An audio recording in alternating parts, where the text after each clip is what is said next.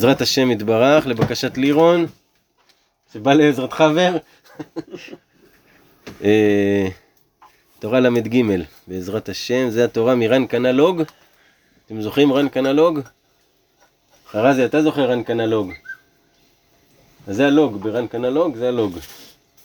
מה זה? שזה אומר? שאמרנו שיש שלוש תורות שהן חשובות מאוד ביחד, תורה רנ, תורה קנ"ה ול"ג. כן. אז רן? רן קנה לוג, רן קנה לו. זה התורות. זה הלוג.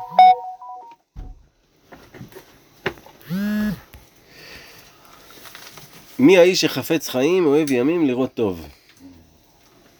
תסלחו לי שנייה, מצטער. זה על הפסוק הזה. תורה בלשון רבנו דל.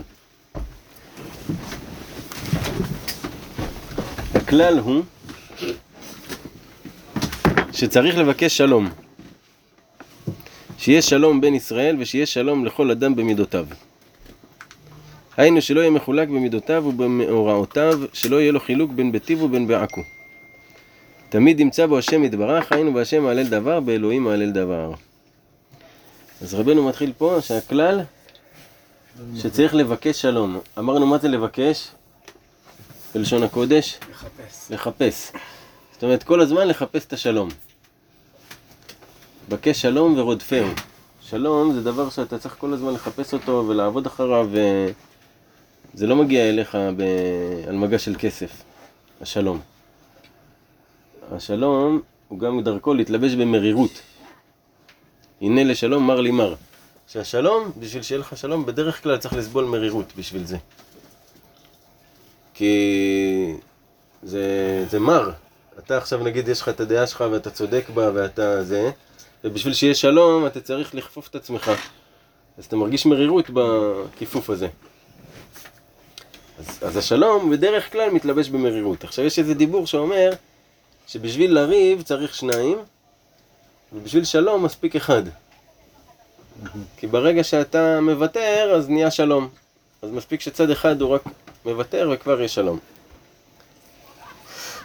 והכלל, רבנו אומר שצריך תמיד תמיד תמיד לחפש ולבקש את השלום, בכל מצב.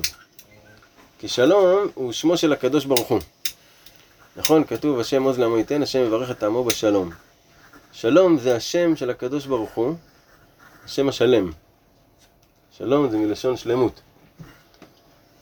ולא מצא הקדוש ברוך הוא כלי המחזיק ברכה, אלא השלום. שכל הברכות, אפילו אם יש לאדם ברכה, ברכה בעסק, ברכה בכסף, ברכה במה שהוא עושה, אם אין לו שלום, אז הברכה בורחת דרך שם. בגלל זה אדם צריך שיהיה לו שלום בכל, ה... בכל הזוויות שלו, בכל האספקטים של החיים, צריך שיהיה לו שלום. כי אז הכלי הוא סגור ויש איפה הברכה תשרה. זה קשה מאוד, קשה מאוד.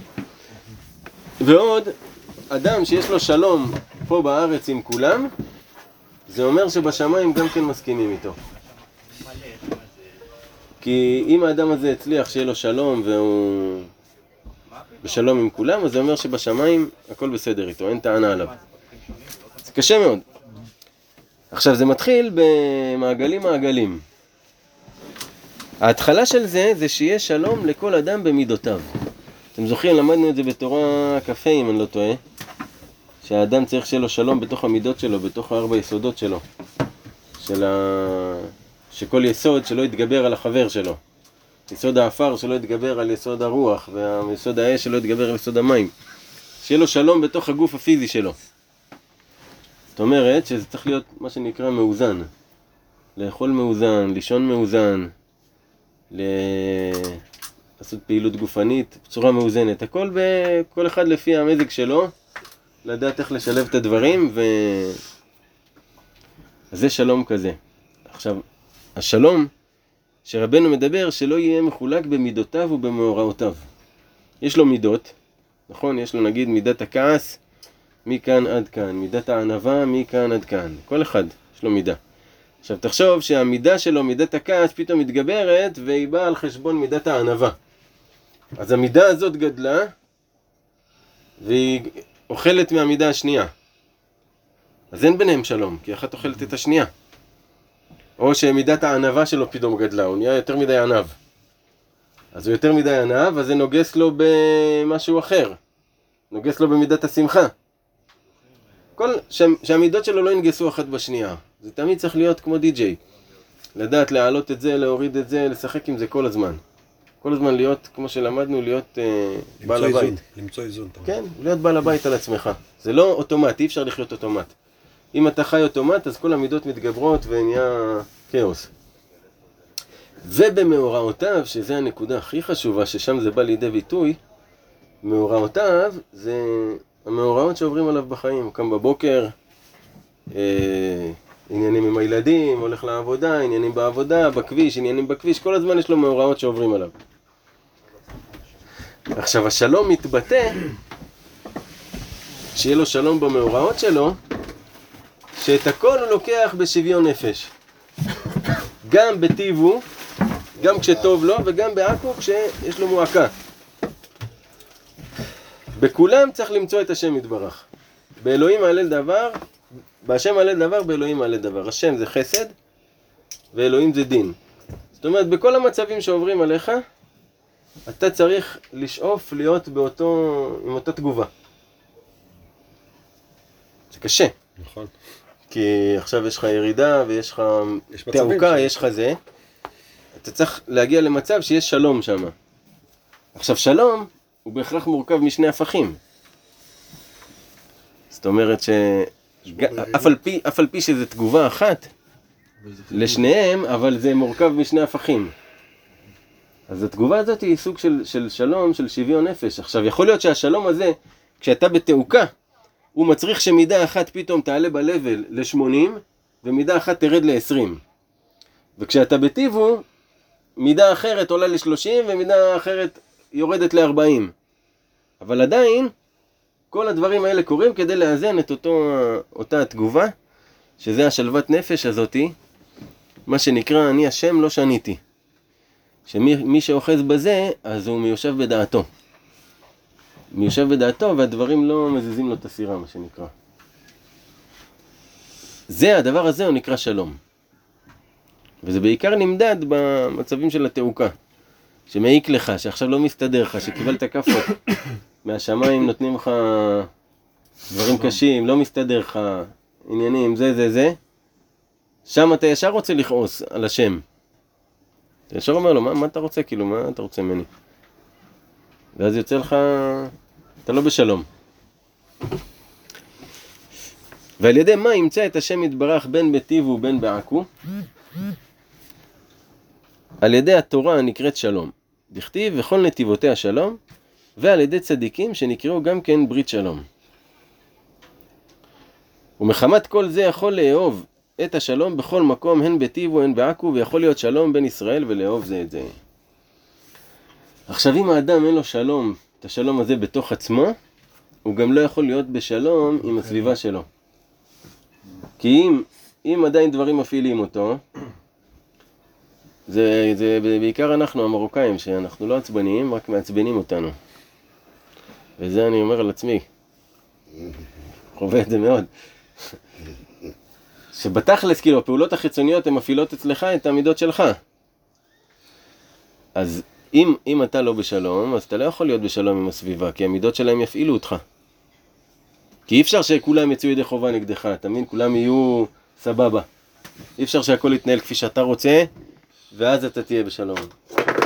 זה בהכרח ההתמודדות עם זה שהמציאות היא לא כמו שאתה רוצה, ומתנהגים אליך לא כמו שאתה רוצה, ושם אתה צריך להיות בשלום. זה הכי קשה. מבין הכל זה הכי קשה. ו... אבל הדרך לזה, רבנו אומר כאן, זה על ידי התורה ועל ידי הצדיקים. אז היום ששמעתי שיעור על זה, הוא אמר יפה, הוא אומר, רגע, אם יש לנו את התורה, למה אנחנו צריכים את הצדיקים? הוא אומר, כי בשביל להבין את התורה ואת הדרך ש... שהתורה מדברת ותוביל אותנו לזה, צריך את הצדיקים. כי הנה, יש לי תורה, אוקיי, אז מה, אז עכשיו אני בשלום? צריך את הצדיקים כדי שתבין איך התורה תיתן לך שלום.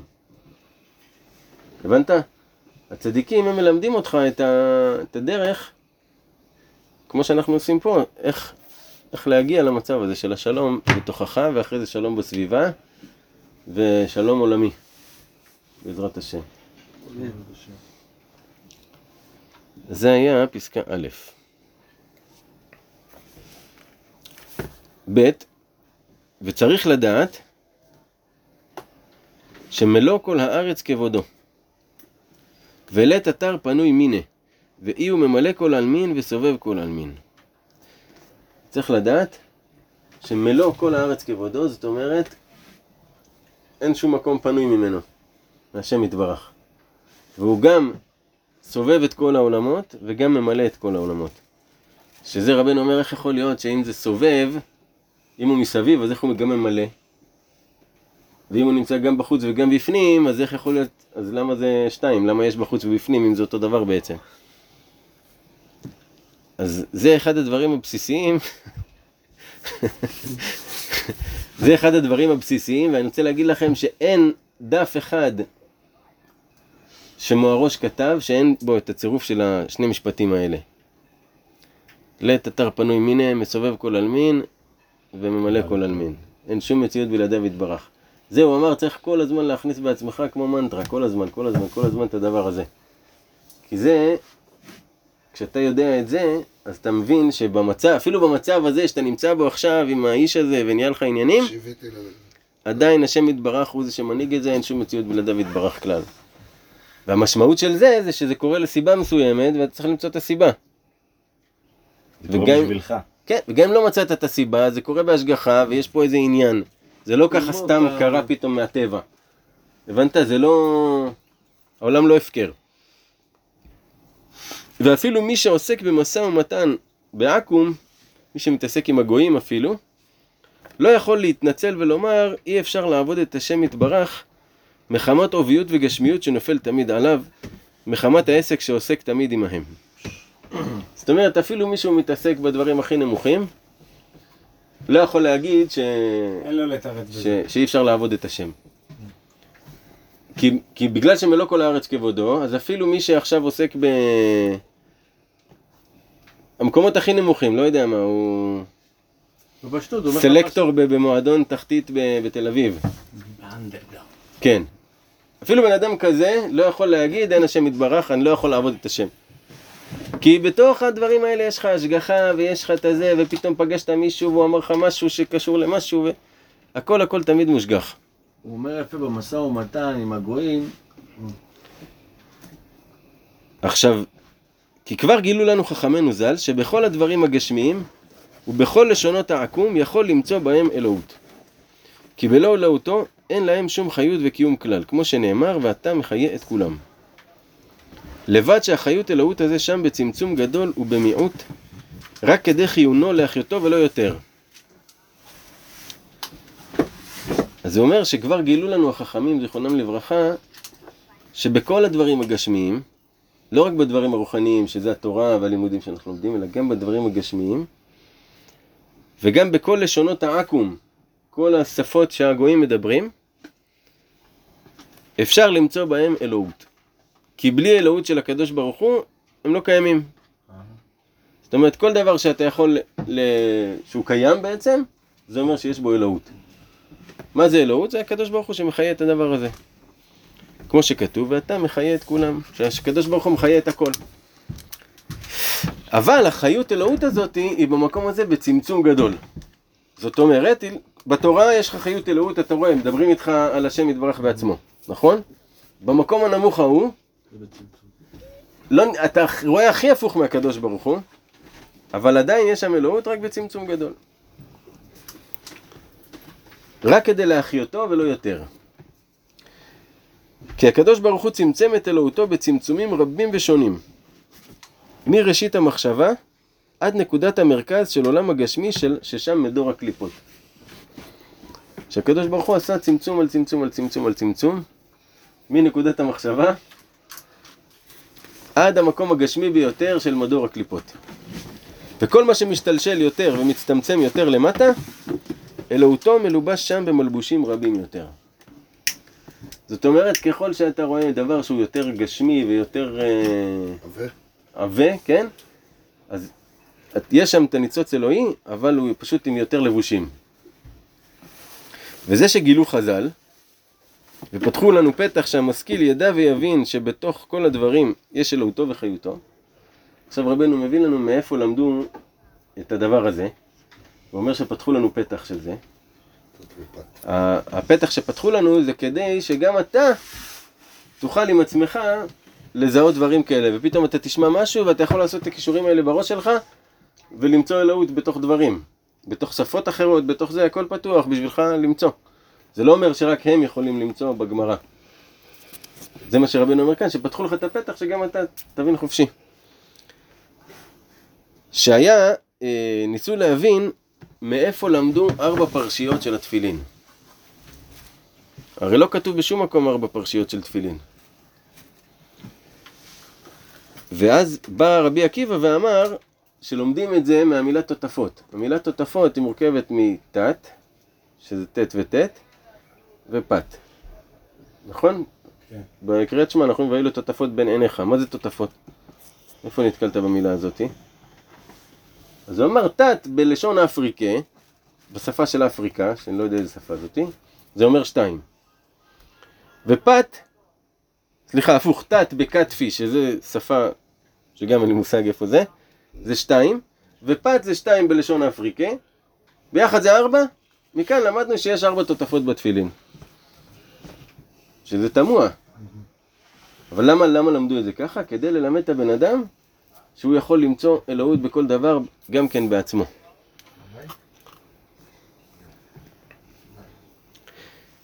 וזה שמביא בירושלמי, אם יאמר לך אדם, היכן אלוהיך, תאמר לו בכרך גדול שברומי, שנאמר, אלי קורא משעיר, או אליי קורא משעיר. נמצא שזה האדם ששאל היכן אלוהיך, בוודאי הוא משוקע במדור הקליפות, כי הוציא את עצמו מן הכלל וכפר בעיקר. שאמר היכן אלוהיך.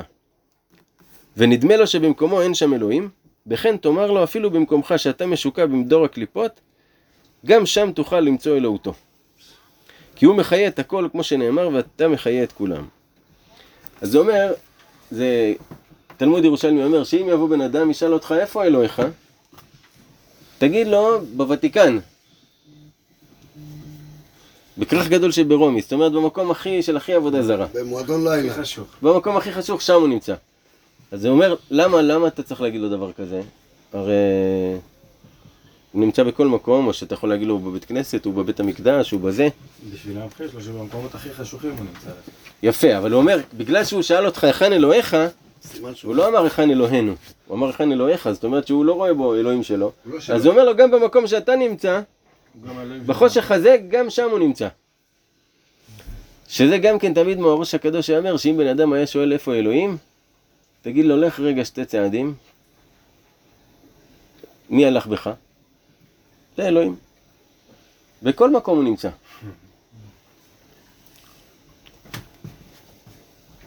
ומשם, מאיפה שאתה נמצא, אתה יכול לדבק את עצמך בו יתברך, ולשוב אליו בתשובה שלמה. כי לא רחוקה היא ממך, אלא שבמקומך שם רבו הלבושים. אז זה החידוש הכי גדול של תורת רבנו, זה העניין הזה. שהוא לא מבקש ממך ללכת לאיזה מקום ושם למצוא את השם. במקומך, איפה שאתה נמצא, במדור הקליפות, במקום הנמוך שלך, בחיים שלך, בזה, שם אתה מוצא את הקדוש ברוך הוא. רק שמה? זה עם הרבה לבושים. אבל גם אם זה הרבה לבושים, אם אתה עכשיו תשים מעיל, ועליך חרמונית, ועליך משקפי גלישה, ועליך זה וזה, זה עדיין אותו מיקי. רואים פחות מיקי, אבל זה אותו מיקי נמצא מתחת ללבושים. אז אותו דבר.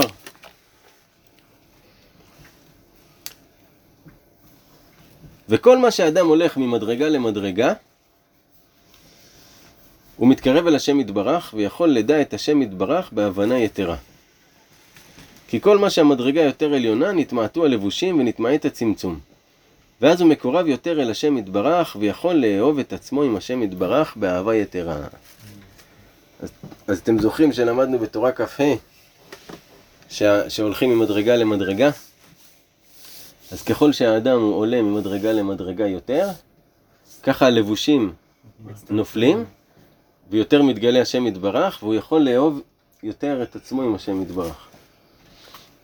ראיתי ב... בספרי רבנו שהוא הוא לא אומר לאהוב את, כשמת, כשמתייחסים למישהו, לבן אדם שאתה אוהב, אז הוא לא אומר הוא אהב אותו, אלא אהב את עצמו איתו. נגיד כמו בסיפורי מעשיות, האוהב הנאמן של המלך. הוא אמר, אהב את עצמו עם המלך. זאת אומרת, אתה לומד מכאן ש... מה זה האהבה שבן אדם אוהב את השני? שהוא אוהב את עצמו, שהוא לידו. בדיוק, שהוא אוהב את עצמו בנוכחותו של השני. אז גם כאן הוא אומר שאוהב את עצמו עם השם יתברך. בסוף אני אספר לך משהו כן? על המשפט. יאללה. אז הפסקה א' הייתה שהאדם צריך לבקש שלום במידותיו, במאורעותיו, בחיים שלו, עם החברים, עם הסביבה, עם כולם, תמיד לשאוף לשלום. אפילו שהוא צודק, אפילו שהכל, תמיד לשאוף לשלום. פסקה א'. פסקה ב', רבנו מביא לך כאן איזה נתון שצריך לדעת. קודם כל, הוא, לא סתם רבנו מתחיל את- הפסקאות בלשון מסוימת, נכון? בהתחלה הוא אומר, הכלל, הוא אומר לך, יש כלל, תדע, כלל, צריך לבקש שלום. נקודה בפני עצמה. פסקה ב', צריך לדעת, צריך להכניס את זה בדעת שלך כל הזמן, בראש שלך, מלוא כל הארץ כבודו, ואין שום מקום פנוי ממנו. יכול להיות שיש הרבה לבושים, יכול להיות שזה נסתר, יכול להיות כך וכך, אבל אין שום מציאות בלעדיו יתברך, ואין שום תירוץ להגיד שאתה לא יכול להיות עם השם במקום שאתה נמצא. זה השורה התחתונה של זה. וככל שאתה מוריד יותר לבושים, אתה יותר יכול לאהוב את עצמך עם השם, כי יותר פתוח לך. הוא יותר נמצא איתך, אתה יותר uh, מרגיש אותו, אתה יותר יכול לשמוח ולאהוב אותו. זה פסקה ב'. בינתיים היא לא קשורה בקשר ישיר לאלף. ג' והנה, יש שני מיני ימים. ימי טוב וימי רע. כמו שנאמר, ביום טובה היה בטוב וביום רעה ראה. אז קודם כל הוא בא גם כן שוב פעם נותן לך עוד נתון, יש שני מיני סוגים של ימים. יש ימים טובים ויש ימים רעים. אתה מכיר את זה שאתה אומר יש לי יום, יום קשה עובר עליי, יום זה שלא מסתדר לך, הכל הולך מההתחלה, הולך לך הפוך? ויש ימים שהשתבח שמו, הכל זורם, שפע נכנס. זה, זה ממש כאילו, אתה יכול אה, להתחיל לראות את זה. בגלל זה רבנו אומר ב- בשיח- בספר המידות, יום שהקדוש ברוך הוא עושה לך ישועה, אל תכעס. תש- תשמר יותר מהכעס, כי, ביום הזה, כי זה... כן, כי זה ימים טובים. רבנו גם בתורה אחרת אומר שאתה יכול להפוך את היום, כל יום אתה יכול להפוך אותו ליום טוב. הרי החגים נקראים ימים טובים. עכשיו אתה יכול סתם יום יכול להפוך אותו ליום טוב. אבל הנקודת מוצא היא שיש ימים טובים ויש ימים רעים. אתה מבין? זה כאילו זה עניין כזה. ושלמה המלך אומר, ביום טובה, אהיה בטוב. כשיש לך יום טוב כזה שהכל זורם, תהנה. תהיה בטוב, תהנה, תהיה מבסוט. וביום רעה, ראה. שלכאורה זה לא עומד על ההפכים, נכון? לא. היה צריך להיות ביום רעה, תהיה ברע. או, או ביום רעה תשתדל להיות בטוב, או ביום רעה תהיה לא יודע מה. ביום רעה, ראה. באלף. ראה, כן, ראה באלף. היינו, שצריך לאדם להסתכל שם היטב היטב, בוודאי ימצא שם ימי טוב, היינו תורה. זאת אומרת שבתוך הימים הרעים, הוא צריך להתחיל להתבונן, ולמצוא שם ימי טוב, שזה תורה. למה ימי טוב נקראים תורה? כי הימים נקראים מידות. כמו שכתוב בתהילים, מידת ימיי. נכון, יום זה מידה. למעשה, השנים של העולם הזה והימים של העולם הזה קצובות. אם יש ששת אלפים שנה, אז סך, סך הכל ימים יש לנו ששת אלפים כפול 365. זה הקצבה של הימים שיש בעולם הזה. כל יום יש לו מידה, מהשעה הזאתי עד השעה הזאתי. זהו, נגמר היום. שים לב גם ש... שמיום ליום אנרגיה היא מתחלפת. זאת אומרת, הוא קצוב, כל דבר שהוא קצוב הוא במידה. עכשיו, מידה, אם ניקח את זה גם בסוד האותיות, אז מידה זה על שם מד. גם מדים, שזה הבגד, למה הוא נקרא מדים? כי מודדים אותו לפי המידות של האדם בדיוק, תפור על מידותיו. אז מד זה מם, זה המקור. זאת אומרת, הזרימה מתחילה במם, והדלת זה הגבולות. זאת אומרת, יש זרימה שהיא לתוך גבולות מאוד מאוד ברורים. אז כל דבר שהוא מידה, יש לו גבולות ברורים. יש בו אור מסוים עם גבולות ברורים. אז הימים נקראים מידות. והמידות הן בתורה. כי התורה היא כולה מידותיו של הקדוש ברוך הוא. כי התורה מדברת מאהבה ויראה ושאר המידות. ובה ברא הקדוש ברוך הוא את העולמות. שהתורה היא כולה מדברת ממידות, נכון? יש לנו... אה, ואהבת לרעך, מה המידה של זה? כמוך. כמוך, כמו שאתה אוהב את עצמך, זה המידה. לאהוב את הרע שלך, כמו שאתה אוהב את עצמך. אה, ועוד כל מיני מידות שיש בתורה, שהיא נותנת לך בדיוק את המידה, כמה המידה של הדבר הזה, של מה שאתה צריך לעשות. מכאן עד כאן. אתה צריך לאכול מצות כמה זמן? שבעה ימים, זה המידה. בסוכות תשבו, זה המידה. כל דבר יש לו את המידה שלו, כמה צריך לעשות. יום כיפור, כמה זמן? שמונה, אה, יום אחד. כמה התעניות שלו? חמש תעניות. הכל מדוד, ממוספר, מכאן עד כאן. מוגבל בגבולות. מיקי, תעשה טוב לך. עכשיו תקשיבו, הוא בא ברא הקדוש ברוך הוא עלמין. כמו שכתוב, גל, ויהיה אצלו המון. הופה. הופה, כבר מזכיר לכם משהו? מצלצל משהו? מי שהיה בשבועות יודע על מה אנחנו מדברים. אל תקרא המון, אלא אומן. לא. לא, לא, כי יהיה לנו אור גדול עם זה. ואותיות התורה הם המכהין את כל דבר ודבר. אני אחזור על זה רגע. מה הראיה שהוא נותן שהקדוש ברוך הוא ברא את העולם בתורה? מהפסוק ויהיה אצלו המון. ויהיה אצלו המון ויהיה שעשועים יום יום, זה הפסוק. שאותיות התורה, אל תקרא המון אלא אומן. שהאותיות בעצם היו אצל הקדוש ברוך הוא בטבע, והוא כאומן בנה וסידר את כל העולם במידות שלו, מכאן עד כאן, מכאן עד כאן. השתמש באותיות התורה כדי לעשות את זה. ואותיות התורה הם המכהין את כל דבר ודבר. אלא כל מה שהמדרגה היא למטה, שם הם אותיות התורה בצמצום יותר ממה שהיו במדרגה העליונה. ואינם מהירים כל כך כמו למעלה במדרגה העליונה, כדי שלא להשפיע אור וחיותה יותר מהראוי.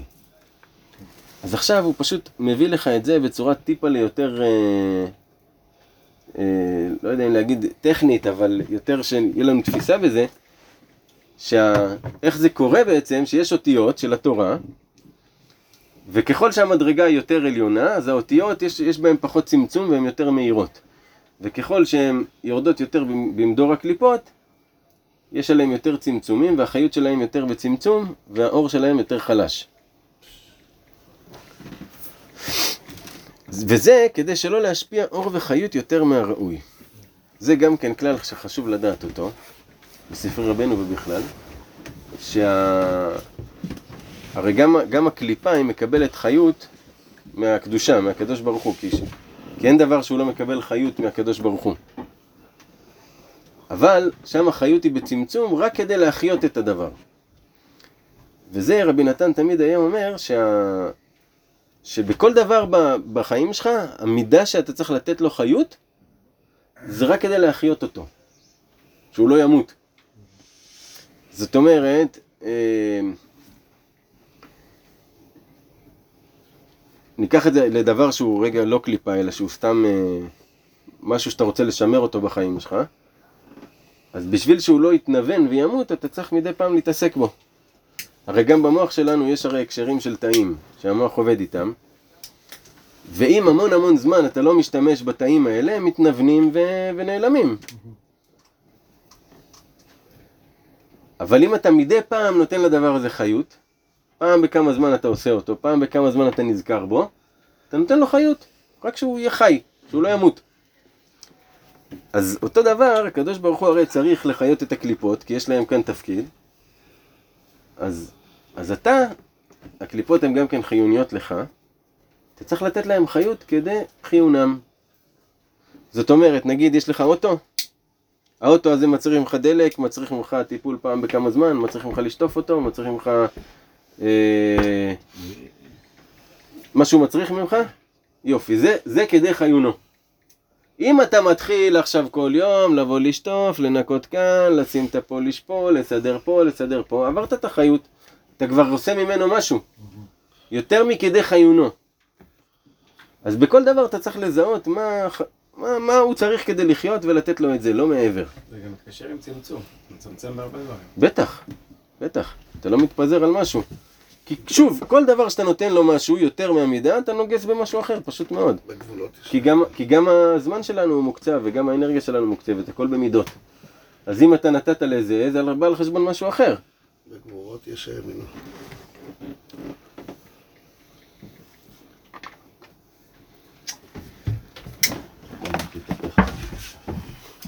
בוחנים לי את הזה. נמצא אפילו במדור הקליפות, היינו בימי רע, שהם מידות רעות ולשונות עכו"ם. אז אומר לך, מה זה גם כן הימי רע האלו? זה בא מהמידות הרעות ומה... ומה... מהלשונות של העכו"ם. גם שם יכולים למצוא אותיות התורה.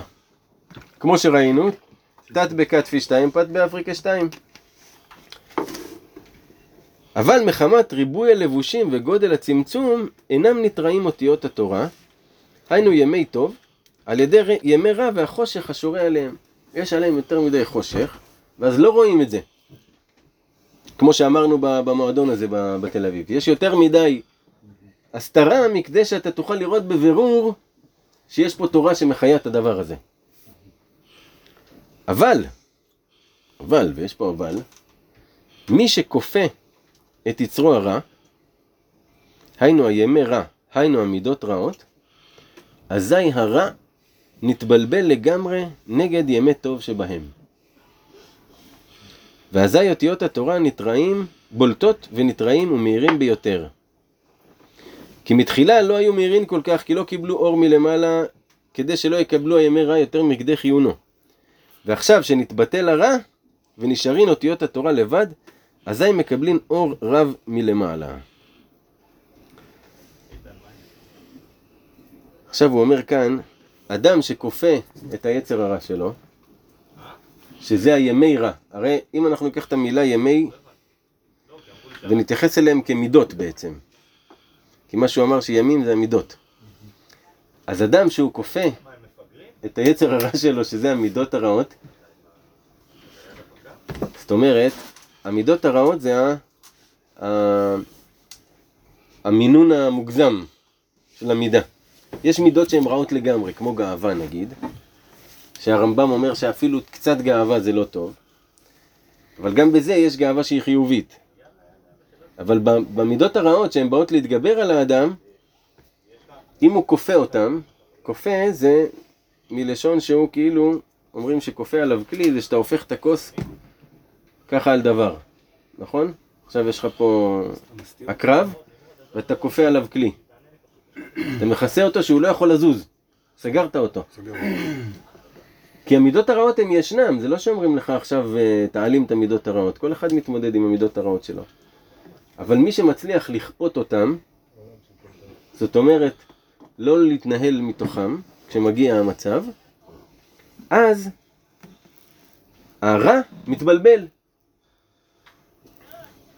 ובגלל שהרע מתבלבל, אז מתחיל להאיר לו האותיות בעצם והאלוהות שנמצאות בדבר עצמו. בפשטות של הדברים זה פתאום אתה יתחיל, יכול, יכולים לבוא לך כל מיני חידושים בראש, כל מיני עניינים, פתאום אתה קולט השגחות, פתאום אתה אומר וואי תראה הייתי פה, הייתי שם, אתה יכול להיות במדור הקליפות ולהיות הכי קרוב לאלוהים, ככה רבנו אומר, שבמדור הקליפות אפילו אתה יכול להיות הכי קרוב לאור הכי גדול.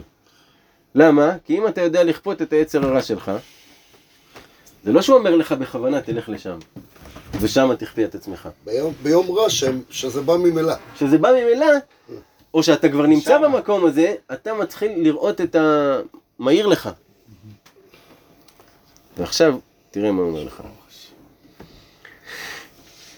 עכשיו, עוד פירוש שהוא כופה את הימי רע, מה זה אומר כופה את הימי רע? כש, כשיש לך יום רע, אז אתה כולך לא בטוב. כולך בבאסה, כולך כבר בעצבים, כולך כבר בעזבו, אל תדברו איתי, נכון? עכשיו, לכפות את הימי רע, זה אומר שבתוך היום רע שלך, שאתה בתוך הבלגן הזה, אתה עדיין נושם ולא מתנהל לסביבה שלך מתוך הרע הזה שאתה מרגיש. אתה מבין? זאת אומרת, אף אחד לא אשם בזה שאתה עכשיו עובר עליך יום רע ואתה עצבני ואתה זה, אתה כופה את זה, אתה לא מוציא את זה החוצה. אתה מבין? זה אומר שאתה מצליח לכפות את, ה, את הרע הזה שבוער בך עכשיו. כי מי שרע לו, כל המידות הרעות. כל המידות הרעות, אבל כשיש לך יום כזה, כן. אז לפעמים ביום כזה רע. אתה ממורמר, אתה כאילו, כל המידות הרעות. עזבו אותי, אל. תדברו איתי היום, זה. עכשיו, הסביבה שלך לא אשמה שאתה עובר יום רע. זה לא אמור לצאת עליהם. והרבה פעמים אנחנו מוציאים את זה דווקא על הסביבה הקרובה. על הילדים, על האישה, על ההורים, על הזה.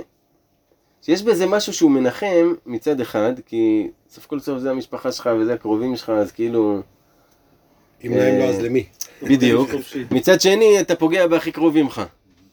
אז בוא, אז אנחנו ניקח את זה בתור הקרובים עכשיו, של מישהו שמוציא עלינו את העצבים, לכאילו לפעמים לדון ולהגיד וואלה בסדר, נו, ביום רע הוא עובר עליו זה, לא נורא, עדיף שיוציא עליי את זה ולא על מישהו אחר. כשזה קורה. נמצא. זה שכופה את יצרו, היינו שכופה את הימי רע, כשהוא מדבר עם העכו"ם, או שרואה מידותיהם, זאת אומרת שהוא נמצא בתוך מקום נמוך, אזי תכף הרע ששוכן על הטוב, היינו על אותיות התורה, נתבטל ונופל, ואותיות התורה בולטין, אזי הוא יודע התורה שבאותו הדבר. מה זה אומר שהוא יודע התורה שבאותו. הדבר? אני אחזור. נמצא זה שכופה את יצרו, היינו שכופה את הימי רע, שבאופן כללי הוא בן אדם שיודע לכפות את הרע שלו. הוא לא מתנהל מתוך המידות הרעות שלו, הוא יודע מתי באה מידה, אני כופה אותה.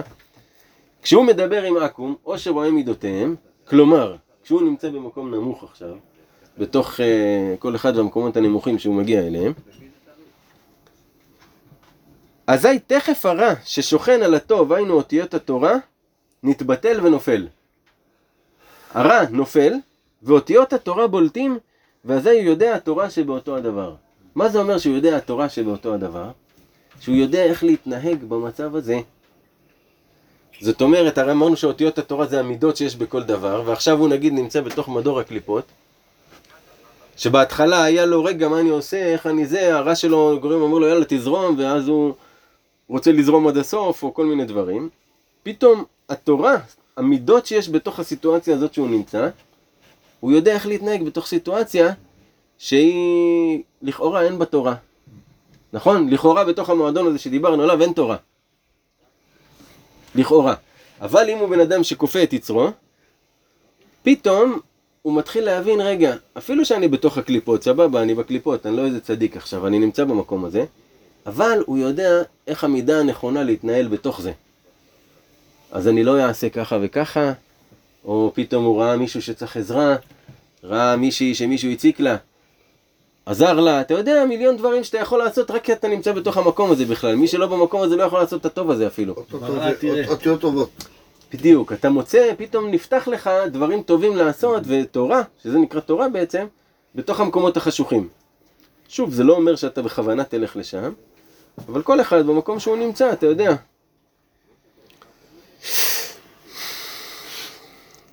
עכשיו זה הסוד הגדול, דיברנו עליו כמה פעמים.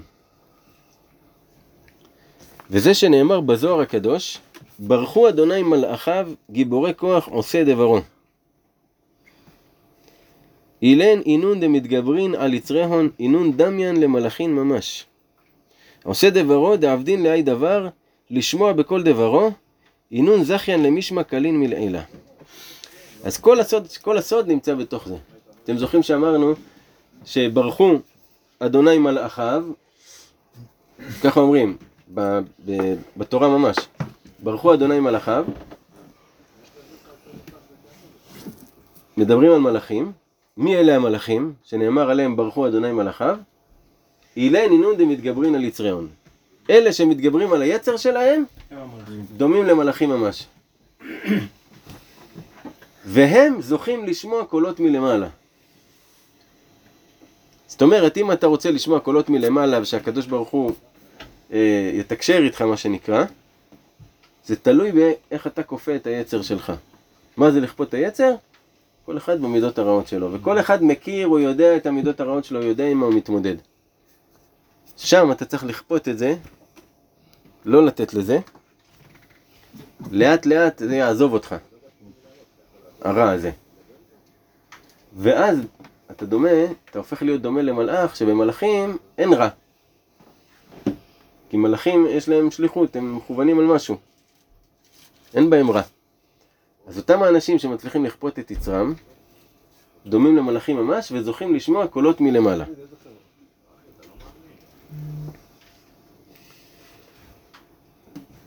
כי התורה נקראת דבר, כמו שכתוב, דבר ציווה לאלף דור. וכל מה שאותיות התורה נתלבשים בצמצומים ובלבושים יתרים, התורה היא בהלם והתכסיה יותר, כמו שאמרנו. ומי שמפשיט את אותיות התורה מהלבושים, הוא דומה כמו מי שבונה את התורה. למשל, אותיות התורה שהיו מפוזרים ומפורדים בלשונות העכו"ם. ולא היה שום אדם יודע מהם מחמת הרע שהחשיך עליהם והלביש אותם. וכשבא זה האדם שהוא דומה למלאך אדוני צבאות, על ידי שכופה את יצרו, היינו על ידי, היינו הימי רע, אזי הרע, היינו הלשונות עכו"ם, נכפפין ונתבטלין כנגדו, ונשארין אותיות התורה בולטין. וכשנפשטין מהלבושים הגשמיים, היינו מלשונות העכו"ם, היינו מידות רעות, אנו מימי רע, אזי מקבלין אלו אותיות התורה אור רב יותר ממה שהיו מקבלין מתחילה. כמו שדיברנו, כמו שהסברנו עד עכשיו, רק הוא מסביר איך זה הכל מרומז במאמר של הזוהר הזה.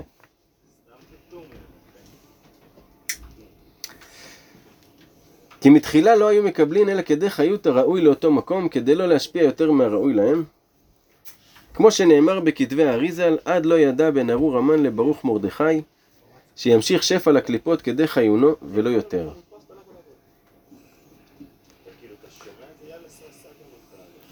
כמו שמבואר בכתבי אריזל בכוונות פורים, שצריך להמשיך לקליפות חיות כדי חיונם ולא יותר. שזה סוד כוונת השכרות של פורים. אבל כשמפשיטין האותיות מהקליפות, אזי מקבלין אור רב מלעילה. הבנו את זה כל מה שאמרנו בעצם עוד הפעם, הוא חוזר על זה רק עם המאמר הזוהר. וזהו עושי דברו לשמוע בכל דברו. שכשעושים ובונים לתורה, שהייתה מתחילה, שהיו מתחילה מפוזרים ומפורדים, בלשונות העכו"ם ובמידות הרעות ובימי הרע, זאת אומרת שהאדם הזה הוא בונה את התורה בעצם. כי הוא אוסף את החלקים שהתפזרו בקליפות. בדיוק. אזי, לשמוע בכל דברו וזוכים לשמוע קולות מלמעלה, היינו שהדבר, היינו התורה מקבלים אור רב מלמעלה וזה שמיעת התורה. זאת אומרת, שהאדם הזה, שהוא כופה את יצרו, הוא בונה את התורה שנמצאת שם. האותיות נמצאים מפוזרים בתוך המצב הזה שהוא נמצא, והוא בונה את התורה. לא, לפני שהוא שומע, הוא קודם כל בונה את התורה מעצם זה שהקליפות נופלות, פתאום האותיות מהירות. המידות זה שמתגבר על יצרו, כן, בגלל שהוא כופה את יצרו הרע, אז הרע שנופל כנגדו. הרע אין לו אחיזה באדם הזה. אז הקליפות... אז הקליפות נופלות, הוא נמצא במצב סיטואציה קשה, הקליפות נופלות, האותיות נשארות. ואז הוא זוכה לשמוע קולות מלמעלה, ולהבין מה הקדוש ברוך הוא רוצה ממנו בעצם במצב הזה ובמצבים אחרים. וזה בחינת נעשה ונשמע. שמתחילה עושים ובונים לאותיות התורה, שיהיה אותיות בולטות ומצטרפות. קודם כל בונים את זה על ידי שאתה כופה את הרע שלך, אתה גורם לכך שהאותיות יבלטו. ואחר כך נשמע. זכין למשמע קלין מלעילה. זוכים לשמוע קולות מלמעלה. היינו שאותיות התורה מקבלים חיות ואור רב יותר ממה שקיבלו מתחילה, כשהיו מלובשים בלשונות הגויים ובימי רע.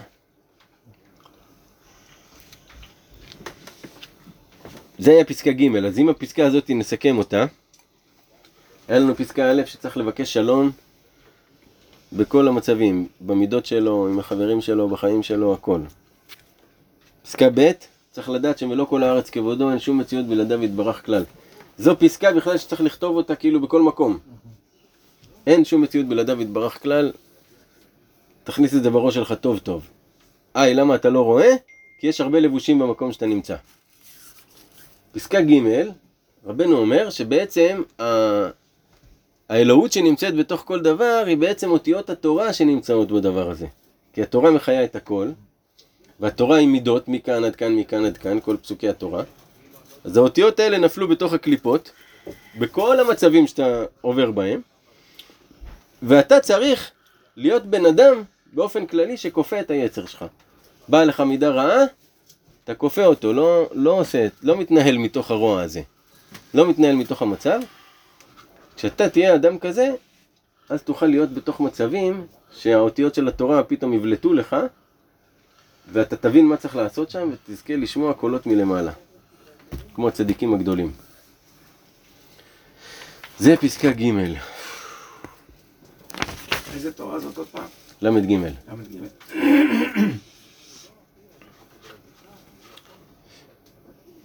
ד'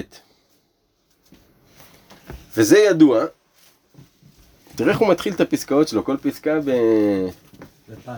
ב- במשהו אחר אבל, שהוא כאילו מאיזה זווית תיקח את זה. וזה ידוע שהתורה, היינו המידות, היינו הימים, שורה בהם אהבתו יתברך שמו. שבתוך התורה, שם, שזה המידות, שזה גם הימים, שורה האהבה של הקדוש ברוך הוא. שורה זה אומר היא קיימת שם. כמו שנאמר בזוהר, יומם יצווה אדוני חסדו. יומם, זה מלשון אה, יום. חסדו, זה מלשון אהבה. שהחסד היינו אהבה. כמו שנאמר, אהבת עולם אהבתיך, על כן משכתיך חסד. אז רואים שחסד, זה בא מתוך אהבה. הוא יומא דאזי למכולו יומין. שהחסד זה יום שהולך עם כל הימים. הרי אמרנו שיום זה גם מידה, מידת החסד היא נמצאת בכל הימים, היא הולכת עם כל הימים, זה אומר שהאהבה של הקדוש ברוך הוא נמצאת בתוך כל הימים. שורה בכל הימים. מי רגע עושה לי חישוב כמה ימים יש? 6,000 כפול 365. זה מידה, זה מדוד. הכל מדוד. זה מה שיפה בסיפור. אתה יכול לדעת כמה ימי סוכות יש, כמה ימי... 2 מיליון, 190 אלף. 2 מיליון ומאה תשעים אלף ימים. והאהבה של הקדוש ברוך הוא נמצאת בכל אחד ואחד מהם. חייב אוויר. אתה בפנטהאוז? כן. יש 52 מיליון שעות. גדול. סתם. שתיים מיליון שנה. היינו המידות, כי המידות הם צמצומים לאלוהותו, כדי שנוכל להשיג אותו על ידי מידותיו. כמו שנאמר בזוהר הקדוש, בגין דאישתמודעין ל. שבזוהר הקדוש כתוב שהקדוש ברוך הוא ברא את העולם בגין דאישתמודעין ל, כדי שאנחנו נדע אותו. שנדע את הקדוש ברוך הוא ונכיר אותו. בשביל זה הוא צמצם את המידות, כי אי אפשר לקבל אין סוף, נכון? אבל משהו שהוא במידה אתה יכול לקבל. אתה יודע, מכאן עד כאן, אפילו שהמידה הזאת גדולה ממך, אתה יכול לקבל את זה כי זו מידה. אבל משהו שהוא ללא מידות, אי אפשר לקבל אותו. ומחמת האהבה שאהב את ישראל, ורצה שידבקו בו ויאהבו אותו עמו מזה העולם הגשמי, הלביש את אלוהותו במידות התורה. וזה בחינות של תרג מצוות. כי השם יתברך שיער בדעתו שעל ידי המצווה הזאת נוכל להשיג אותו. הרי אם אתם זוכרים, גם דיברנו על זה וגם למדנו את זה בדרך השם, שהקדוש ברוך הוא, הוא רוצה לתת לנו את עצמו, שזה הטוב שלו, שזה הטוב המושלם, ואיך איך הוא עושה את זה? על ידי כל מצווה ומצווה, אתה מקבל אלוהות. בגלל זה בזוהר המצוות הם נקראים עצות. שזה דרכים וצינורות להשיג את הקדוש ברוך הוא, לקבל את האלוהות שלו. איך זה? על ידי דברים גשמיים. דווקא על ידי דברים גשמיים. אז לכל מי שחושב שזה, שהתורה היא תלויה ברוחניות ולהיות בשמיים, לא, ממש לא. התורה היא בדברים גשמיים, המצוות בדברים גשמיים, באוכל, בשינה, ביין, בשמחה, בתפילין, ב- בימים, באישה. באישה, בילדים. בילדים, בעבודה, בכסף, בלקנות, בלקנות בכסף את המצוות שלך, דברים גשמיים, הכי גשמי שיש. אבל מתוך הגשמי הזה, יש את האלוהות, ואתה, ככה אתה מתקרב לקדוש ברוך הוא, לרוחני ביותר. ואז נוצר חיבור של רוחני וגשמי. כי רק גשמי זה לא שווה כלום, רק רוחני לא שווה כלום. החיבור, זה מה שיוצר את הקטע. צריך שילוב. זה לא. כן. והחיבור בין גשמי לרוחני חייב להתבטא גם בגשמי וגם ברוחני. אז אתה לא יכול להגיד אני בן אדם רוחני. גם פה צריך שלום, בין גשמי לרוחני. תמיד, תמיד, תמיד זה גם שתיים, שים לב, תמיד יש שתי בחינות. זה עולם שהוא נברא בבית, בראשית, זה שתי בחינות תמיד. למשל ששיער בדעתו מצוות תפילין. שהמצווה הזאת צריך להיות כך, היינו ארבע פרשיות וארבע בתים של אור. כתובים, ורצועות של אור. לא מזהב ולא מכסף ולא משום דבר, מעור דווקא, בשחור. כי כך שיער בדעתו. שעל ידי הצמצום הזה נוכל להשיג אותו ולעובדו. ולכן לא ציווה שיהיה ארבע בתים של כסף וזהב. כי כן שיער ומדד על ידי אהבתו. זאת אומרת גם, לא רק זה, כל המידות וכל הצמצומים הם נולדים מהאהבה של השם יתברך. זאת אומרת שמה שמוליד את המצוות זה האהבה של השם. מתוך האהבה שלו הוא, שיער שדווקא זה יהיה מאור, ודווקא הטלית היא תהיה מצמר, ודווקא ככה, ודווקא בתאריך הזה יוצא היום הזה, ודווקא הכל הכל, כל המידות האלה נולדו מהאהבה של השם שהוא רוצה לתת לנו במתנה את עצמו. שזה הטוב המושלם. נמצא שבכל מידה ומידה יש שם אהבה שהקדוש ברוך הוא אוהב את עצמו עם ישראל. שוב, הקדוש ברוך הוא אוהב את עצמו עם ישראל. עם ישראל. נמצא, אוהב את עצמו עם ישראל. איזה יפה זה. כן, כי כאילו אתה, זה באמת, תחשוב, כשאתה עכשיו נמצא עם מישהו שאתה אוהב. כן, אתה- אתה נהנה להיות אתה, שאתה איתו. אני מוצא ממני מישהו יפה, כיף לי. זה, זה באמת חזק. נמצא מי שמפשיט את התורה מלבושי הקליפות על ידי כפיית היצר, שזה מה שאמרנו בפסקה הקודמת, אזי הוא מקורב אל השלום. כמו שכתוב, וכל נתיבותיה שלום. זה אפשר להבין גם בהיגיון, שאם אתה כופה את הרע שלך, אז כבר אין לך סיבה לא להיות בשלום עם מישהו אחר, כי אמרנו, זה מספיק שאתה, בשלום. בש... שאתה תהיה סבבה, זה מספיק כדי להיות בשלום עם צריך אחרים. אחד לשלום. כן. ואז הוא מתקרב לתורה, כי התורה כל נתיבותיה שלום. והתורה... רגע, עד נקודה. זה מובן? זאת אומרת, אז אם כך ניקח את זה למעשה, השורה התחתונה של שלושת הפסקאות האלה, לכפות את היצר. בא לך מידה רעה מתעוררת בך, לכפות אותה. בא לך קמצנות, תכפה את זה. בא לך פזרנות, תכפה. בא לך עכשיו כעס, קפיצי מבפנים, תכפה. גם ל"א וגם ל"ב מתעסקת בלכפות את היצר. גם דיברנו על היצר הגברי. כן, נכון.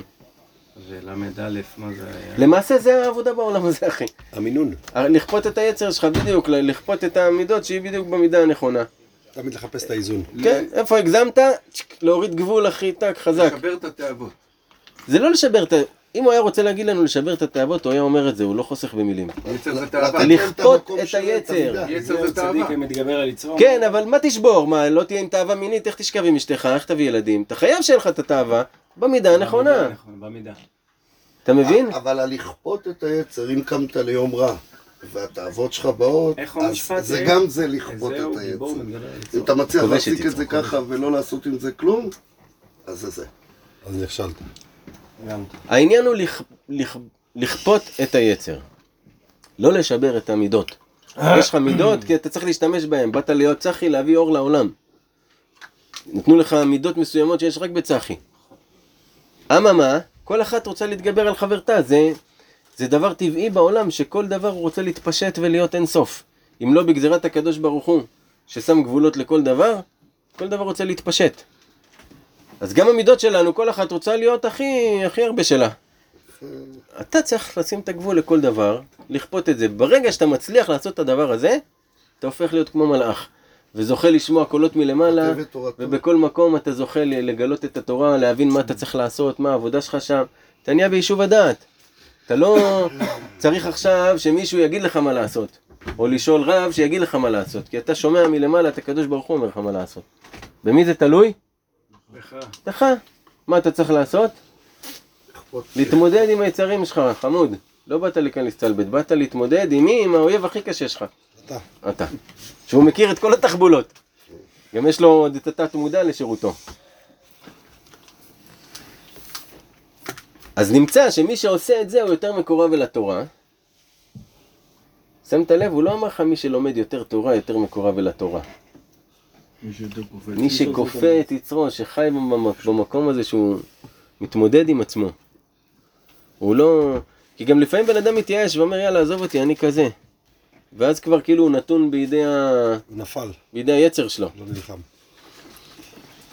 מי שכופה, אז הוא זוכה להיות בשלום, כי גם הוא זוכה להיות בשלום עם עצמו, כי באיזשהו שלב כבר ה... כמו תחשוב, שיש לך משהו בתוך כלוב, אז בהתחלה הוא רץ, דופק את עצמו בדפנות, נלחם, זה זה זה, ברגע שהוא מבין שהוא לא יכול לשבור את הדפנות, נרגע. אותו דבר היצר שכפית אותו, בהתחלה הוא משתולל, רוצה לעשות ככה, משגע אותך, זה זה זה, אבל אם אתה עדיין חזק בדעתך, די, הוא נרגע. עד לאולי מצב אפילו שאתה רגע יכול להוריד את הכוס והוא עדיין יישאר רגוע. ואז נהיה לך שלום גם בתוך המידות שלך. אתה יכול להיות בשלום עם כולם, ואז יותר שורה בך האהבה של הקדוש ברוך הוא, אתה מרגיש יותר אהבה בחיים שלך. הבנתם את החיבור מההתחלה עד הסוף, עד לכאן? כן, שנזכה. והתורה יש בה שתי בחינות. בחינת נגלה ובחינת נסתר. נכון? תמיד אמרנו, שתי בחינות. אז בתורה יש מה שגלוי לנו, שזה להניח תפילין, אה, תותפות, ארבע פרשיות, שמע ישראל, זה זה זה, ורצועות שלו, כל מה שגלוי לנו, ויש נסתר. והנסתר הזה הוא התורה העתיקה הסתומה שעתידה להתגלות לעתיד לבוא. ואז כשיתגלה התורה הזאת, העתיק, העתיקה הסתומה, אז יהיה השלום הנפלא בעולם. מה זה אומר סתומה? סתומה זה שאין אין גישה להיכנס אליה. כמו דבר שהוא סתום, אין לך איך אפילו להתחיל להיכנס כדי להבין את זה. ואז כשיתגלה התורה הזאת, העתיקה, עתיקה זה אומר שהיא כאילו הראשונית מ- מההתחלה של הבריאה של הקדוש ברוך הוא, אבל היא סתומה כי אין לנו גישה ואין לנו כלים איך להגיע אליה בכלל. לבושה. אזי יהיה השלום הנפלא בעולם, כמו שכתוב, וגר זאב עם כבש ונמר עם גדי ירבץ, לא יראו ולא ישחיתו בכל הר קודשי. אז זו בעצם התורה הראשונה שהיינו אמורים לקבל? זה התורה לפני הלבושים שלה. זה התורה לפני הלבושים שלה. הרי התורה היא, היא אש, אש רוחנית, אש אלוהית. הקדוש ברוך הוא נתן אותה למשה, ש- ומשה הלביש אותה באותיות ובאותיות גשמיות ובדברים גשמיים. אבל השורשים שלה זה אש. אתה מבין? אין לנו... גם השורשים של האותיות עצמם זה אש. אין לנו גישה איך לתפוס את זה. אין לנו אחיזה באש. אין לנו אחיזה בזה.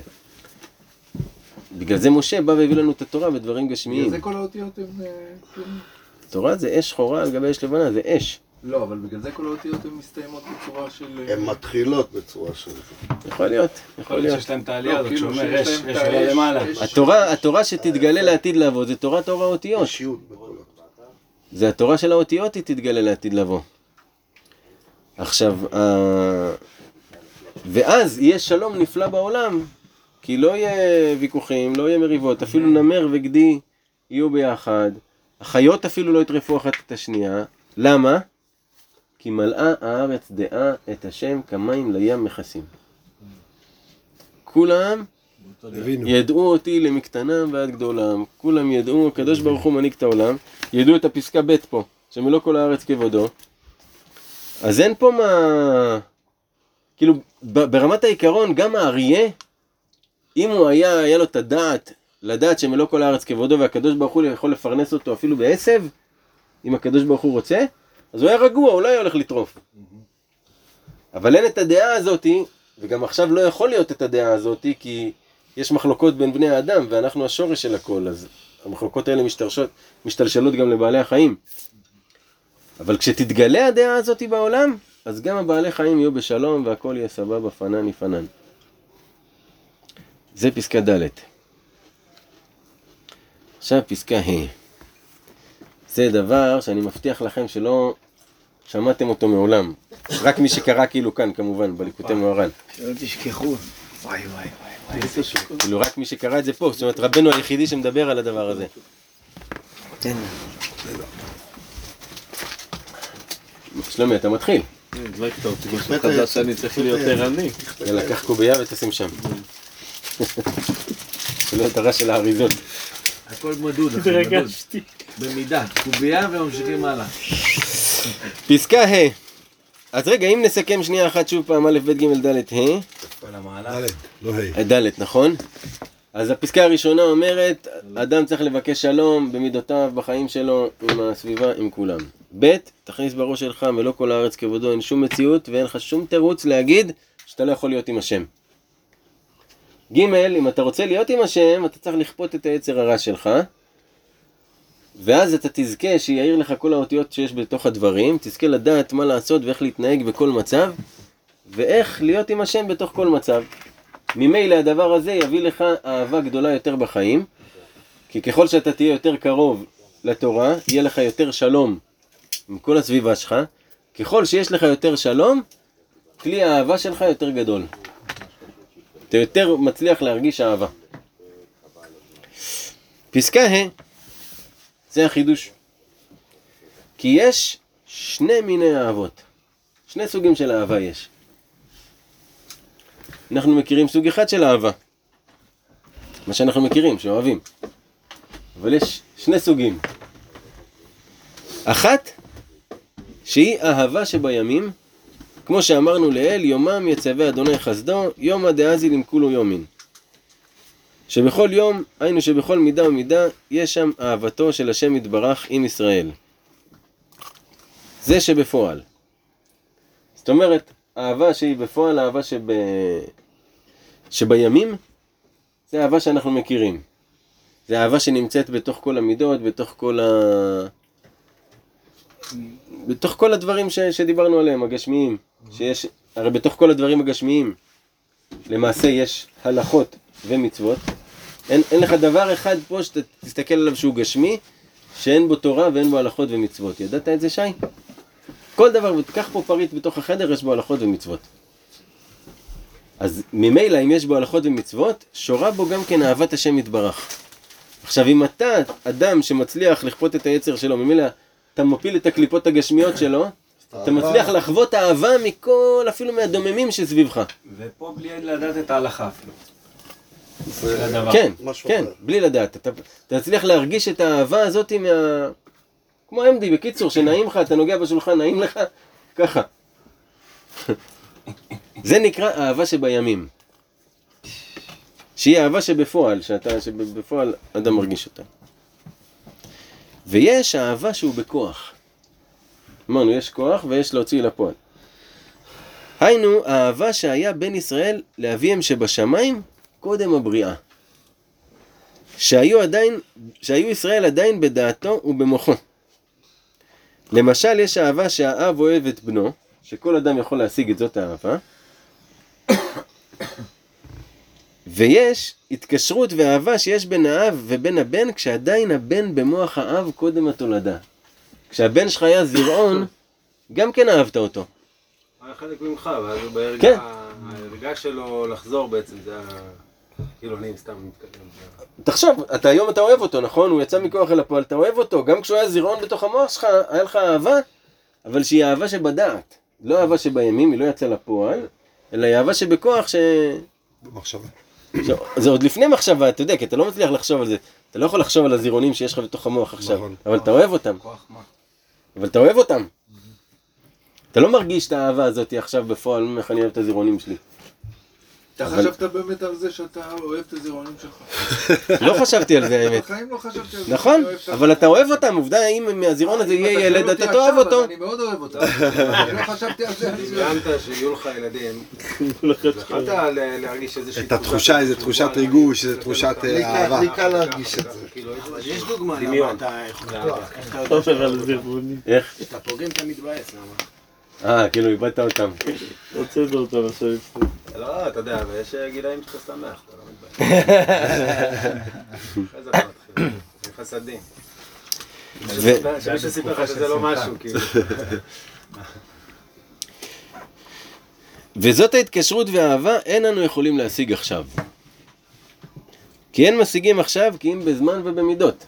בגלל שאנחנו מוגבלים בזמן ומידות, זמן ומקום, אז אנחנו יכולים גם להשיג את האהבה רק כשהיא מתלבשת בזמן ומקום. בדברים גשמיים.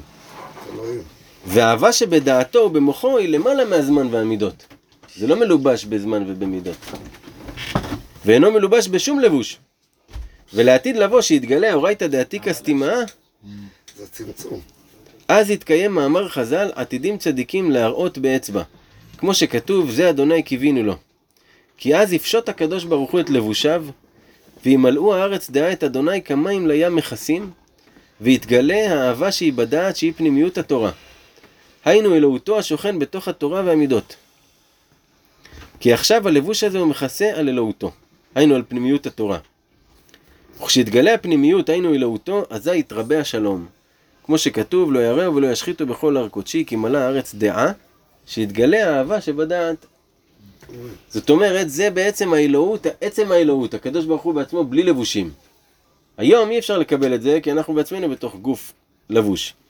אבל לעתיד לבוא, מלאה הארץ דעה, וכולם ידעו אותי למקטנם ועד גדולם, ואז גם נוכ... יוכלו להרגיש אהבה חדשה, שזה אהבה שהיא בדעת. שהיא קיימת עכשיו, רק אנחנו לא מרגישים אותה. ידעו אותי זה לא יראו אותי, ידעו אותי זה יכירו אותי. מלשון דעת. אה, אוקיי. זה לא יכיר, זה דעת. אבל היא עתיקה סתימה, כאילו היא כבר הייתה... היא קיימת. גם עכשיו, האהבה שלך לזרעונים קיימת. כן. אתה לא מרגיש אותה, אבל כי היא לא נמצאת בתוך כלים.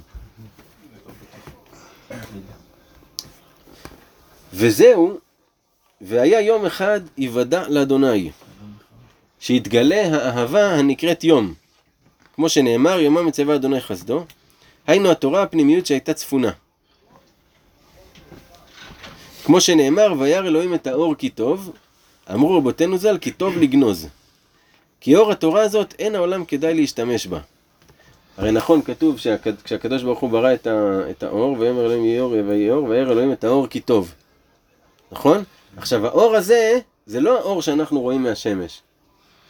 את האור, האור הזה, הקדוש ברוך הוא גנז אותו, זה מה שנקרא האור הגנוז. למה? כי הוא אמר, עתידים להיות רשעים, לא ראוי שהרשעים ייהנו מהאור הזה. אז הוא גנז אותו לצדיקים לעתיד לבוא. זה האור שהוא גנז בתוך התורה הקדושה.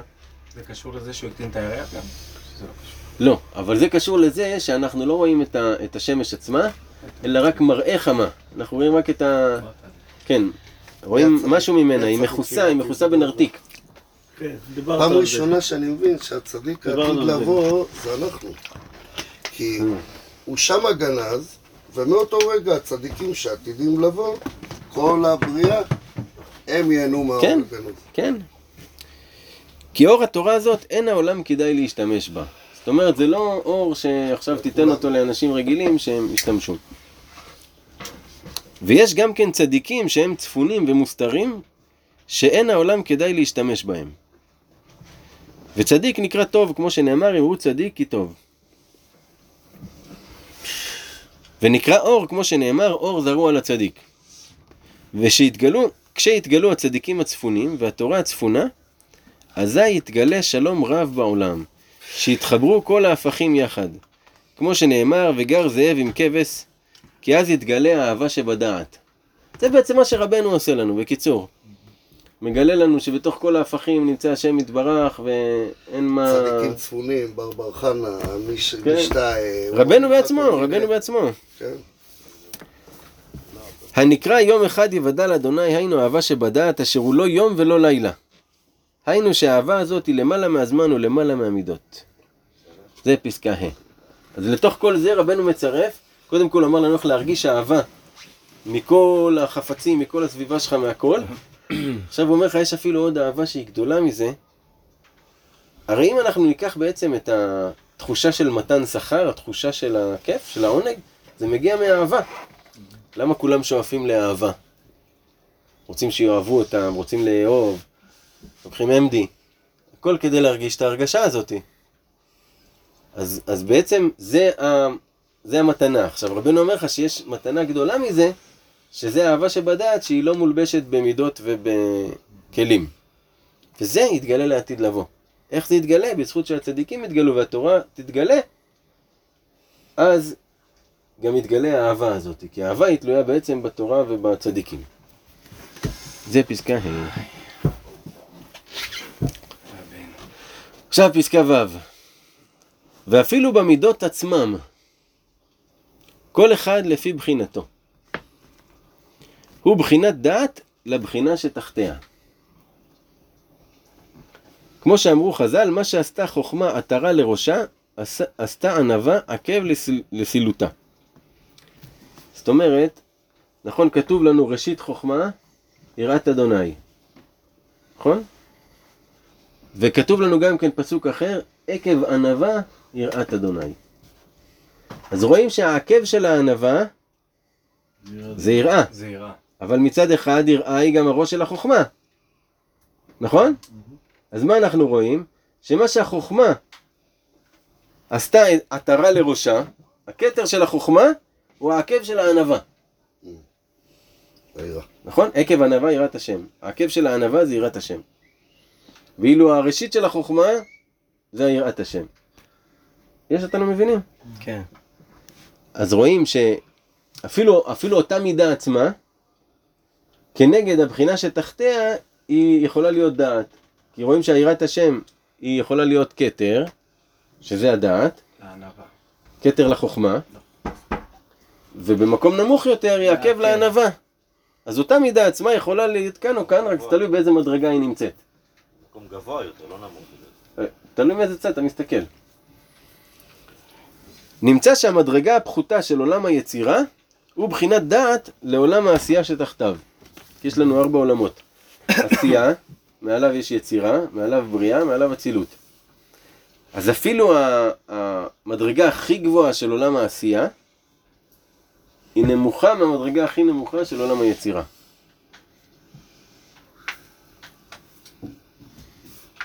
נמצא שיש אדם שאהבתו שיש לו עם השם יתברך במידותיו ובזמן, ובחינות אהבה שבדעת שלמעלה מהזמן לאדם שהוא במדרגה פחותה ממנו. זאת אומרת, יכול להיות אדם שהוא עכשיו מרגיש כזה עונג ואהבה מהחיים שלו, יותר ממה שהאדם הזה, אדם אחר שלידו, שהוא במדרגה נמוכה, מרגיש באהבה שבדעת, שזה כאילו המקום הגבוה של האהבה שלו. מובן. וזה שאמרו חז"ל, כי שפתי כהן ישמרו דעת ותורה יבקשו מפיהו. אם הרב דומה למלאך אדוני צבאות, היינו שכופה את יצרו, אזי הוא דומה למלאך אדוני צבאות, כמו שלמדנו. כי על ידי זה שכופה את יצרו, על ידי זה אותיות התורה בולטין ומצטרפין, אזי הוא בחינות נעשה ונשמע. כי עושה ובונה אותיות התורה וזוכה לשמוע כל התורה מלמעלה. בוודאי מזה הרב יבקשו תורה מפיהו, כי עכשיו הוא מקבל תורה משמיים. כי בוודאי יודע הוא את התורה. אפילו מדברים גשמיים הוא מלקט אותיות התורה. וזה כי שפתי כהן ישמרו דעת, שכהן הוא בחינת חסד. ישמרו דעת, שעל ידי הרב הזה יתגלה האהבה שבדעת, שהוא לפי מדרגתך אהבה שהוא למעלה מהזמן, שהוא נקרא יום אחד יוודע להשם. מובן? אז מה הוא אומר לנו בפסקה ו'? שיש מדרגות ב... בין האהבה שאדם מרגיש לבין האהבה שבדעת. לכל אחד יש אהבה שהוא מרגיש ואהבה שהיא נסתרת ממנו. אז יכול להיות במדרגות אחד שמרגיש אהבה שהיא יותר גבוהה מהנסתרת של חבר שלו. עכשיו, ויש את, ה... את החכם הגדול שהוא דומה למלאך אדוני צבאות שהוא בעצם כופה את יצרו ועל ידי זה הוא דומה למלאך אדוני צבאות. צבאות אגב זה צבא אות. הצבא של האותיות של הקדוש ברוך הוא שבהם הוא ברא את המלאכים. שזה אחד מהשמות הקדושים אגב צבאות, זה אחד מהשמות שלא נמחקים. יש עשר שמות, וכמו הוויה, אהיה, יה וכל אלה, גם צבאות לא נמחק. אה, אז אם, אם הרב הזה דומה למלאך אדוני צבאות על ידי שהוא כופה את יצרו, אז הוא מקבל תורה מלמעלה, ואז הוא נותן דעת ל- לתלמידים, הם מבקשים תורה ממנו, כי אז הם זוכים בזכותו לעלות לאהבה שבדעת. מהמקומות הגשמיים הוא מביא להם תורה בעצם. כן, תורה שהוא מקבל מלמעלה. מקבל מלמעלה.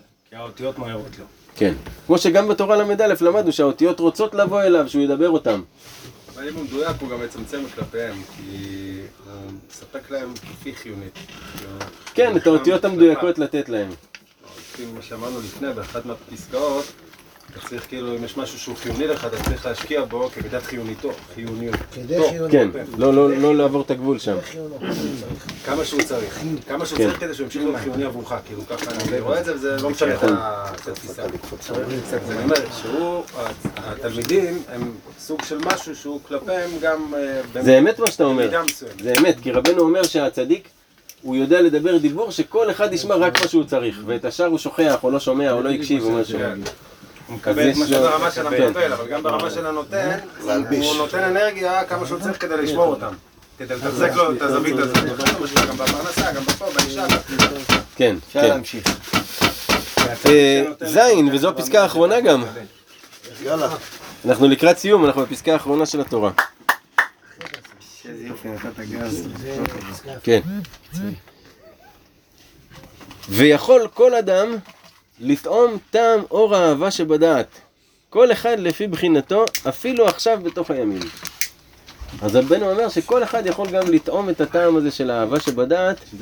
כפי מדרגתו כמובן, גם עכשיו, בתוך המידות והימים. היינו, איך זה יקרה? כשיקשר את ליבו לדעתו. כשיקשר את ליבו לדעתו, זה הרעיון. שזה תורה שלמה. כי כל אחד מישראל יודע שיש אלוהים בכלל. באופן כללי, כל אחד מישראל יודע שיש אלוהים. אבל הרשעים הם ברשות ליבם. זאת אומרת, גם הרשעים יודעים שיש אלוהים. אבל הלב שלהם שולט בהם, בא לו עכשיו את התאוות, אז מה עכשיו אה, תגיד לו לעשות דברים? מה, מה עכשיו תגיד לו לשמור שבת? בא לו עכשיו לעשות דברים אחרים. זה לא שהוא אומר שאין אלוהים, פשוט הרצונות של הלב שלו יותר חזקים. והמידות והימים הם נכללים בלב. כל המידות נמצאות בלב. כמו שאמרו חז"ל, רחמנא ליבא באי, שהקדוש ברוך הוא רוצה את הלב של האדם. ובלבד שיכוון את ליבו לשמיים, שזה נאמר אחד המרבה ואחד הממעיט, ובלבד שיכוון את ליבו לשמיים. זאת אומרת, אם האדם הלב שלו מכוון לשמיים, זה לא משנה, לא משנה הכמות של מה שהוא עושה, כי הקדוש ברוך הוא רוצה את הלב של האדם. זה ההבדל בין רשעים לצדיקים. שהרשעים, הלב שלהם הוא נשלט על ידי שרירות לב, כמו שלמדנו. התאוות שלו שולטות בו, הוא... זה יותר חזק ממנו, הרצונות שלו לעשות דברים. יותר חזק מה... מהאיסור שנגיד אסור לו לעשות. מדעתו.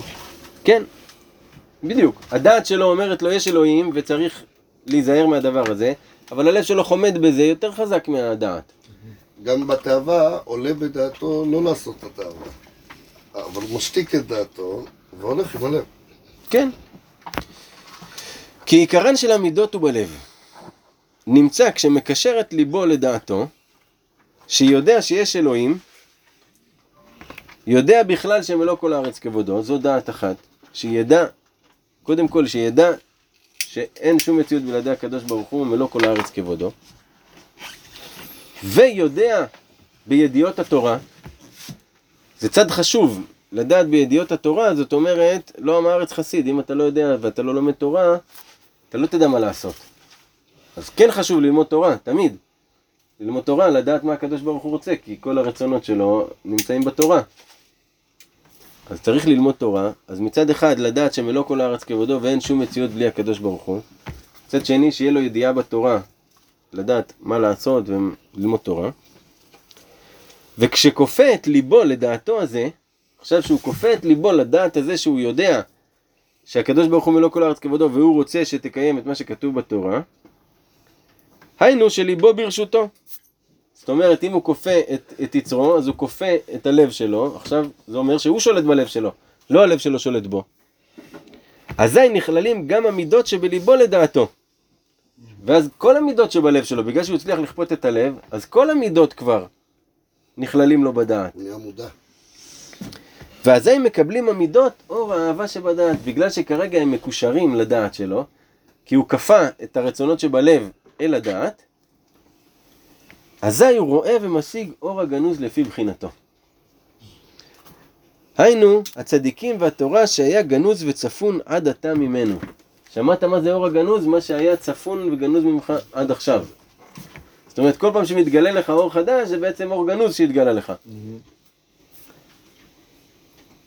כשכופה את ליבו לדעת, אזי מקבל הלב שהוא שורש לכל המידות ומקבל אור האהבה שבדעת, הוא האהבה שהיה בכוח בין הקדוש ברוך הוא לישראל קודם הבריאה.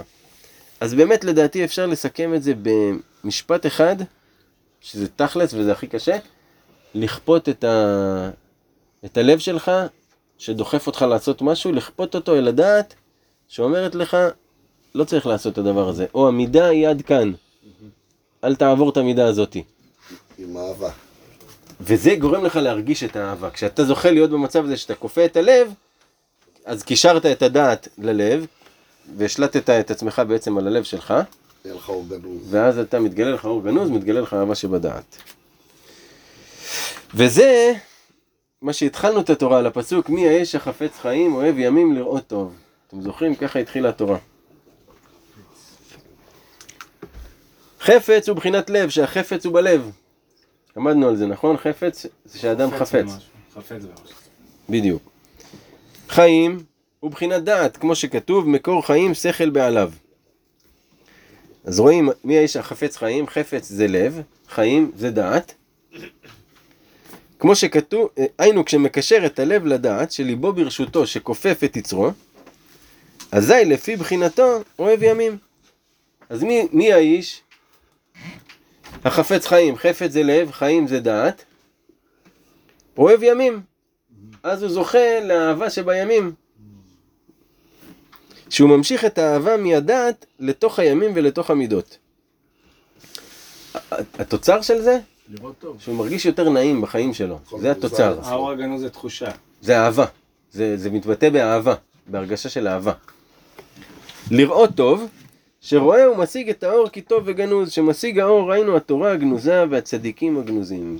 שהוא זוכה להשיג את הדברים האלה. זה יכול להיות שמתגלה לו פתאום ספר חדש מאיזה צדיק שהיה גנוז והספר הזה מאיר לו בחיים, זה יכול להיות שפתאום קולות מלמעלה שהוא מבין השגות חדשות, כל מיני דברים. עכשיו, אה, תמשיך את הפשטות של זה, כי זה מסכם יפה גם. שנצור לשונך מרעה. אה, רבנו לא המשיך, רבנו לא המשיך את זה. בשבילנו זה כאילו... בשבילנו כן, נצור לשונך מרע ושפתותיך מדבר מרע, שבאמת, אסור מרע, עשה טוב, בקש שלום ורדפהו. אלא אם כן זו תוספת שהיא לא... מ- רגע, הוא סיים? אה, הוא סיים? תראה, רבנו סיים את התורה פה, לא, רבנו פה, כן, אבל מאיפה זה לקוח? מתהילים, מאותו פסוק. זה ממשיך עד לבקש שלום ורדפהו? כן, כאילו פה זה לא ממשיך, אבל זה ההמשך של הפסוק. התורה מסתיימת פה, רבי נתן מביא שרבנו אמר שזה הכוונות של לולב בעצם, לא ניכנס לזה, הרעיון הוא מובן, ובאמת בוא נמשיך גם את הפסוק, מי האיש החפץ חיים, אוהב ימים לראות טוב, זאת אומרת אם אתה רוצה לזכות לטוב הזה ולאהבה הזאת שבדעת, נצור לשונך מרמה וש- ושפתיך מדבר, נצור לשונך מרע ושפתיך. מדבר מרמה. באמת למדנו תמיד שהביטוי שהפה הוא, הוא מוציא את האותיות. הוא גם מוציא את האותיות והוא גם לפניך, הוא רץ לפניך. אנשים הם מדברים לפני שהם בכלל חושבים. אז אחת מהכפיות הכי חזקות של היצר זה לכפות את הרצון שלך לדבר. ערך אפיים. הר- יש לאדם רצון לדבר. לכפות את זה, מה יקרה אם לא תדבר? מה כבר יקרה אם לא תדבר את הדבר הזה? אז נצור לשונך מרע כמו נצרה, שאתה כאילו שם נצרה ולא נותן לזה לראות. ושפתיך מדבר מרמה. שלא תיתן לשפתיים שלך שדב- שקרים. שידברו מרמה, אפילו בטעות כמו שלמדנו. וההמשך איך הולך בדיוק? סור מרע, עשה טוב. סור מרע, זה לכפות את הרע. עשה טוב זה שתייצר באמת טוב בחיים שלך. בקש שלום ורודפהו. ברוך אדוני לעולם, אמן ואמן.